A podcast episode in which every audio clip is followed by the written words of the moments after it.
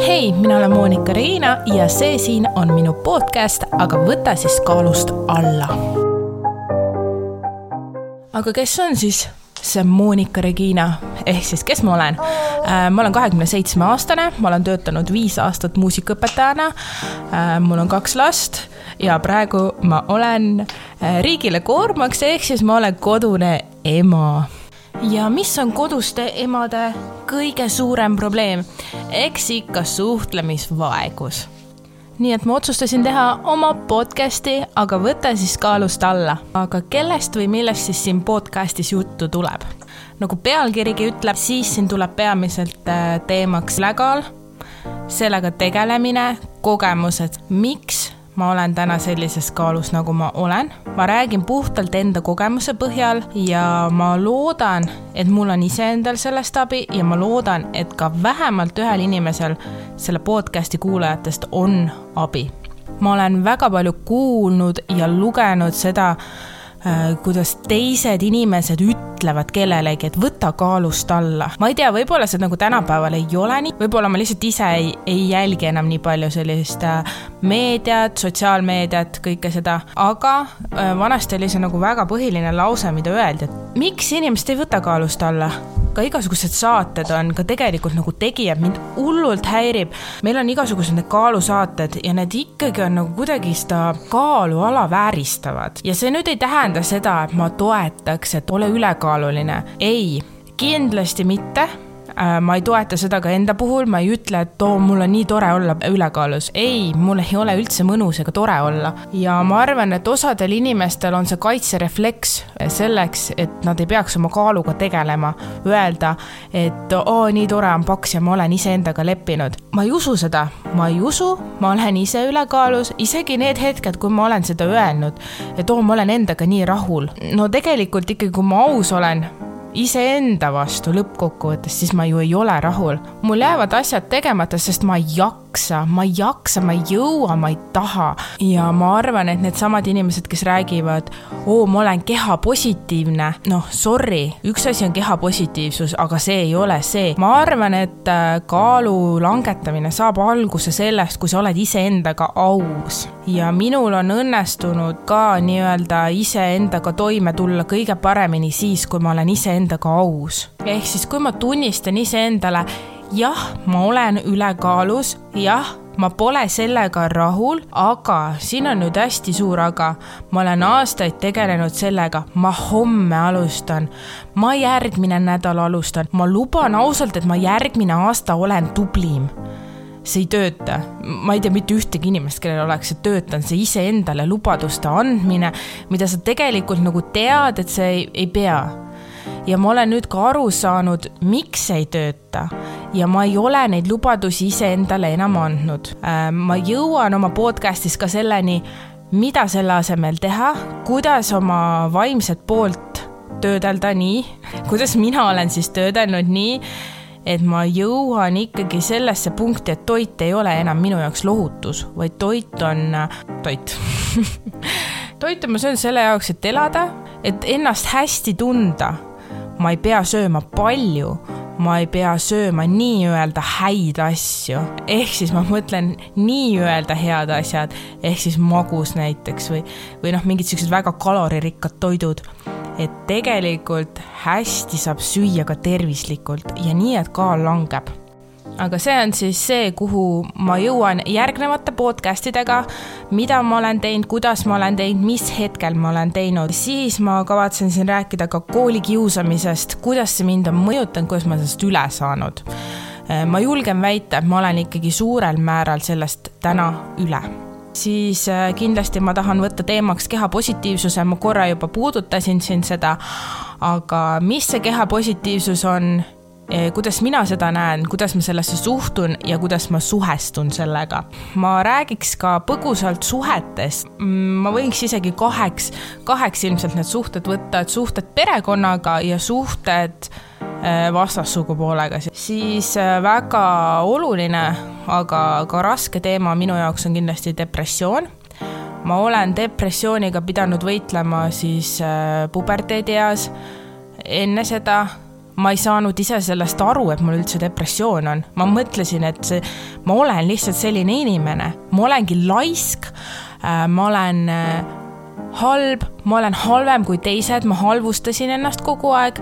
Ja noh, ka see on see punkt, mida võib-olla paljud ei mõtle, et äkki mul on depressioon.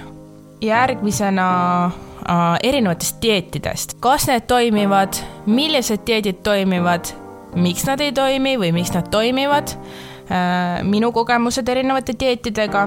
ma tahaks minna ikkagi ka praktiliseks, et anda erinevaid kaalu langetamise nippe, mille, mis nagu minul aitavad. Need ei pruugi aidata kõigil, aga ma usun, et seal on nagu päris häid asju ja võib-olla ka meeldetuletus mulle iseendale. sellest kõigest ma oma podcast'is äh, tahan rääkida ja nagu ma ütlesin, siis ma loodan, et peale minu on ka kellelgi teisel sellest abi, sest ma jällegi alustan see on kõige klišeelikum asi, mida teha. uuel aastal alustan jälle. ma tegelikult ei ütleks, et ma alustan jälle, vaid ma siis jätkan oma teekonda ja kutsun sind endaga kaasa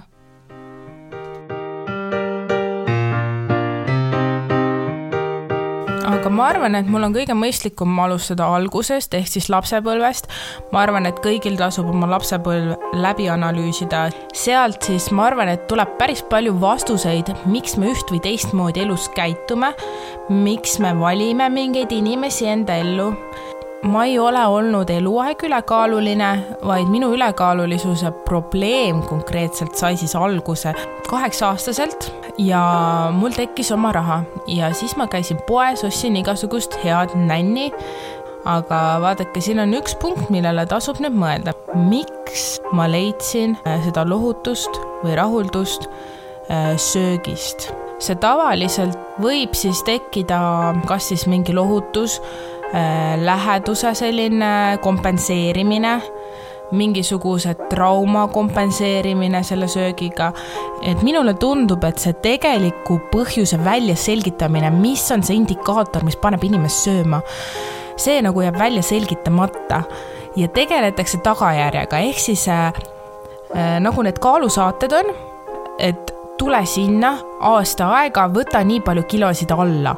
aga tegelikult see indikaator, miks inimene sööb, sellega jäetakse tegelemata. Ja selle tagajärg on, seal on kaks tagajärge, kas inimene ebaõnnestub või teine variant, äh, isegi kui ta suudab ilma vaimse pooleta tegelemata äh, kaalust alla saada, siis see tuleb ühel hetkel tagasi, sest et ta ei tegele probleemiga ja mina jõudsin selleni, et probleemiga tuleb tegeleda äh, alles mõned aastad tagasi. ja ma arvan, et väga paljude ülekaaluliste inimeste põhjus ongi vaimses mingisuguses traumas, mida siis kompenseeritakse söömisega. ja kui see punkt nagu üles leida ja sellega tegeleda, siis äh, on võimalik alust alla saada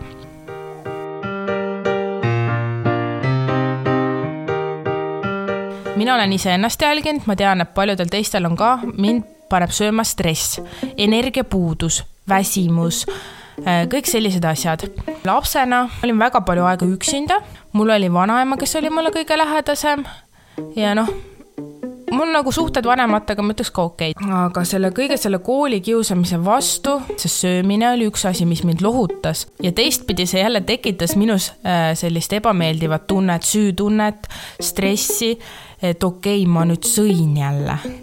et nüüd ma pean homme, ma ei tohi süüa see selline karistamine tekkis, aga ma ei suutnud sellest karistamisest tihtipeale kinni pidada, ma küll järgmine päev siis nii-öelda hommikul näiteks ei söönud, või ma üritasin, et ma ei söö ja siis mul tekkisid söömishood. ma võiks seda isegi nimetada, et mul tekkisid toitumishäired juba siis teisest klassist alates.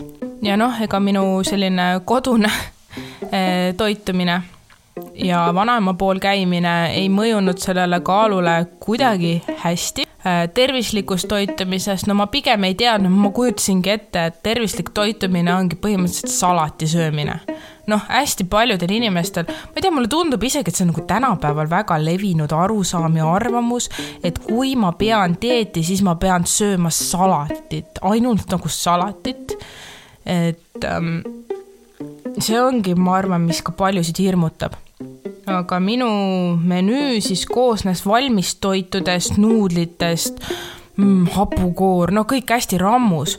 et rammus ühest küljest jaa, nagu täidab kõhtu, aga teisest küljest, kui sa oled oma maa välja venitanud, siis sinna mahub rohkem. ja kolmas asi, mille ma avastasin ka nüüd alles hiljuti äh,, on see, kui palju minu organismi mõjutavad erinevad lisaained toidus ehk siis see jutt ei olegi vale, et teatud toitudes on ained, mis panevad sind rohkem sööma minu murdepunkt selles äh, esialgses ähm, vales toitumises ja toitumishäires jõudis siis sinnamaani, kuni ühel hetkel ma otsustasin loobuda lõunasöögist. Äh, ja mul oli muidugi üks, üks asi ka, mis kenasti kaalu kergitas, oli see, et ma ei joonud söögi kõrvale mitte vett, vaid piima. Ja ma jätsin piima joomise ära ja mul tegelikult hakkas kaal langema ja ma ei söönud vist isegi mitte hommikust vahel harva nagu sõin, aga ma põhimõtteliselt peale lõunat oli minu esimene toidukord koolist koju või noh, vanaema juurde minnes oli minu esimene toidukord. ja noh, siis mul oli muidugi kõht juba megatühi, mul juba pea valutas, mul oli paha olla. ja noh, siis õhtul ja tekkisidki sellised liiga suured toidukogused aga kuna ma jätsin selle piima ära, siis mu kaal ühel hetkel langes päris palju. kas ma olin äkki seitsmendaks klassiks seitsekümmend neli kilo? Äh, ja ma olin ikka selles suhtes ümar, mul oli suur sihuke ümarkõht oli ees.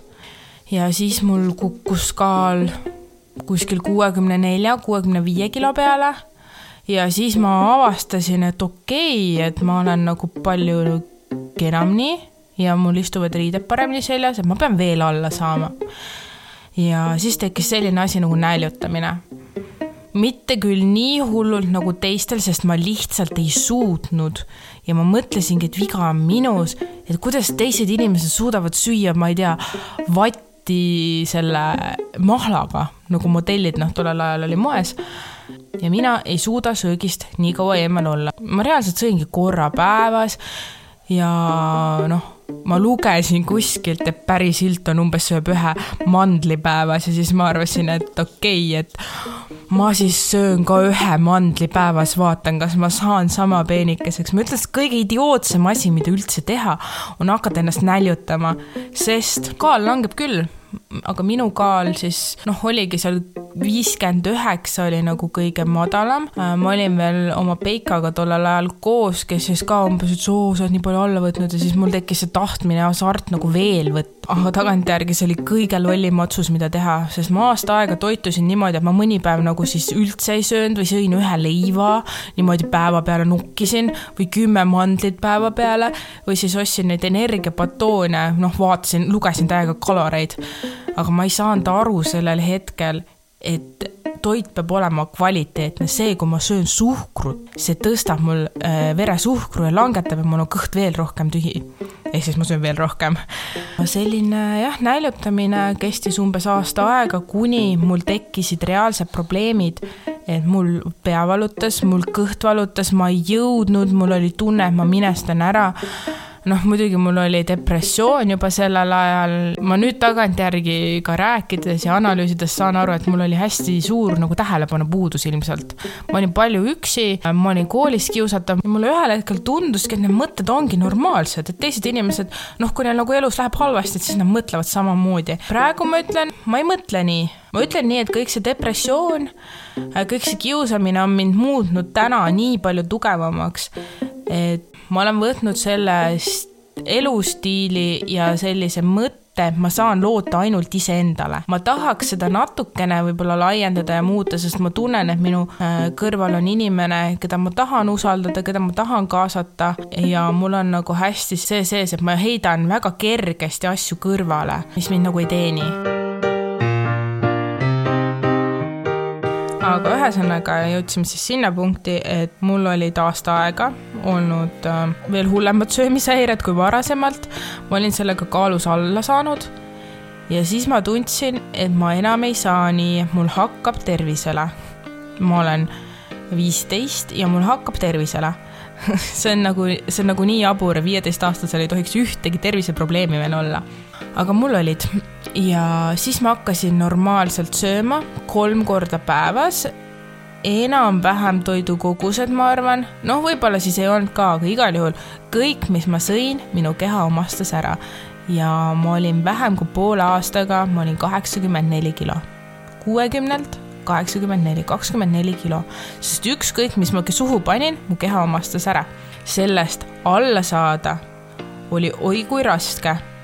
Äh, ma vahepeal tegin mingeid lühiajalisi nii-öelda dieete, kalori jälgimisi, aga see kalori jälgimine oligi samamoodi nende igasuguste batoonide ja asjade pealt kalorilisuse lugemisega kui sa saad süüa ikkagi vähe, nii et see sul kõhtu ei täida, seal ühes batoonis on ju hirmus palju kaloreid noh, tahes-tahtmata see asi nagu ei vii kuhugi.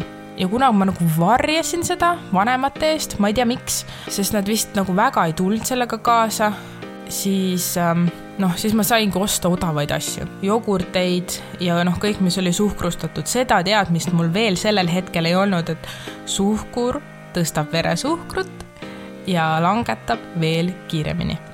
Et see tekitab siis tühja kõhutunde.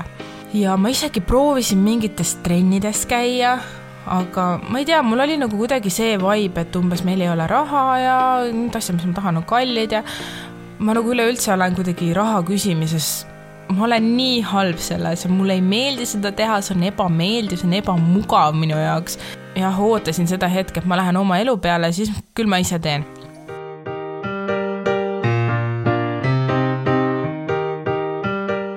gümnaasiumis oli siis niimoodi, et äh, see kiusamine pigem kadus ära. ma jõuan ka oma podcastides, miks see ära kadus, aga ma jõuan siis äh, gümnaasiumi juurde. gümnaasiumi alguseks ma arvan, et mul oligi kaal sihuke kaheksakümmend üheksa või äh, ma käisin veel mandliopil augustikuus ja ma olin nädal-paar olin koolist veel eemal ja mulle tundus, et ma jäin täiega maha sest et kõigil olid juba mingid sõbrad ja pinginaabrid ja siis mina olin nagu, kuule, istuge klassi ära, eks ma siis vaatan, kuhu ma nagu koha saan. see oli nagu hästi raske minu jaoks, et ma olen juba nii palju maha jäänud ja kogu gümnaasium oli mul äh, lipa-lapa, kaal täpselt samamoodi. kui ma gümnaasiumi lõpetasin, siis ma olin uskumatud, enda jaoks ka uskumatud, sada neli kilo. see reaalselt tõi mul klombi kurku. ma ei näinud ennast iseennast nii paksuna nagu ma lõpupilte vaatan, siis ähm, jah, see on äh, kole. kaheteistkümnendas klassis ma siis äh, leidsin oma esimese abikaasa. ja ma olin tollel hetkel, kui ma temaga kohtusin, see oli siis kaheteistkümnenda klassi algus, ma olin kaheksakümmend üheksa. mul oli piinlik, mul oli vastik, ma tundsin ennast oma kehas halvasti. aga äh, sealt sai alguse siis minu veel suurem kaalu kogunemine, sest ma tegin süüa kodus, ma tegin väga rammusaid toite ja ma võtsin äh, gümnaasiumi lõpuks nii palju juurde, et kaheksakümne üheksast oli saanud sada neli. pärast seda ma läksin Eesti pagarisse tööle, seal ma võtsin alla, ma olin ka kuskil üheksakümmend üks, üheksakümmend kaks. no ja kuna oli öötöö, stressirikas, siis see jälle pani mind sööma, seal olid ka mingid koogid ja saiakesed meil aeg-ajalt, sealt tekkis seda kaalu. Ja siis ma läksin elama ühikasse kui ma elasin ühikas, siis ma sain iseendale lõpuks valida üksinda, teha toitu. Ja ma võtsin väga teadlikult vastu otsuse, et ma toitun tervislikult, ma ostan ainult tervislikke asju ja ma toitun tervislikult. Ja minu puhul see töötas, mul ei olnud seal äh, võimalust mingeid muid asju süüa lihtsalt.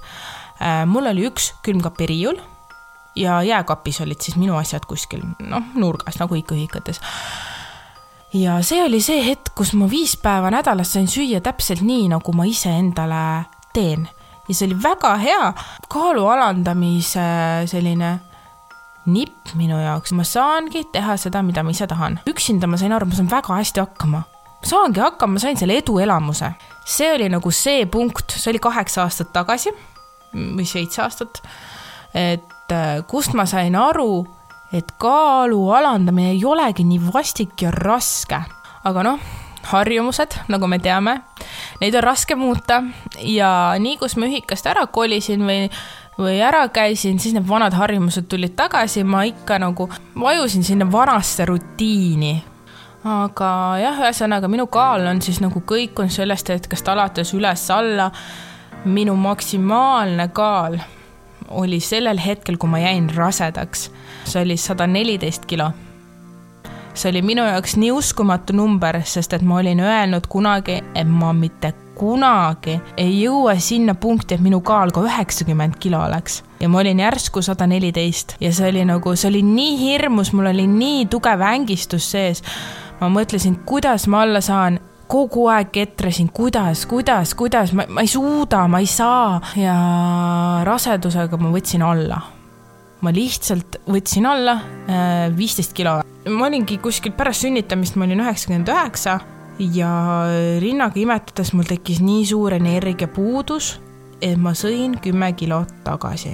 Ja ma ei suutnudki ennast tervisliku toitumise peale nagu viia, sest mul oli nii suur energiapuudus kogu aeg. ja noh, loomulikult mul oli stress selle abielu pärast, sest ma ei tundnud, et ma oleksin mina ise, et ma saaksin olla mina ise. Ühesõnaga, siis mul oli nagu väga raske periood, ma sealt saja kümnest kilost vahepeal jälle liikusin üles, siis natuke võtsin jälle alla, kui ma suutsin, suutsingi ennast kätte võtta ja distsiplineerida ja siis mul oli selline periood, kus ma olin esimese lapse isaga, elasime eraldi, kaheksa kuud elasime eraldi, ma hakkasin juba oma toitumist paika saama, no ma mõtlesin, ma ei tea, jõuluaeg ja kõik, et okei okay,, proovime siis nagu veel. ja siis see viimane pool aastat ähm, oli mul kogu aeg, mul oli nii suur stress, ma olin kuidagi, noh, ma polnud nagu mina ise, ma kogu aeg mõtlesin, miks ma seda tegin ja lõpuks ma tegin selle lõpu, ütlesin, et okei okay,, et siit ei tule midagi, ma sain aru, et tema ei muutu, mina ei muutu, meil lihtsalt ei, ei sobi. et on nagu aeg üksteist lahti lasta, elus edasi minna. ja siis mul tekkis selline asi, et mul kadus isu ära, esimest korda elus, ma ei suutnud süüa, mul ei läinud mitte midagi alla, mul nagu ei olnud halb, et ma oleks nagu meeletult kurb olnud, ei, aga mul ei olnud isu. Ja see ilmselt võis tulla sellest, et mul oli nii suur nagu pingelangus, ma olin nagu kuidagi, ma olin nagu vaba. ma olingi mina ise, ma olin vaba, mul on nagu kõik hästi.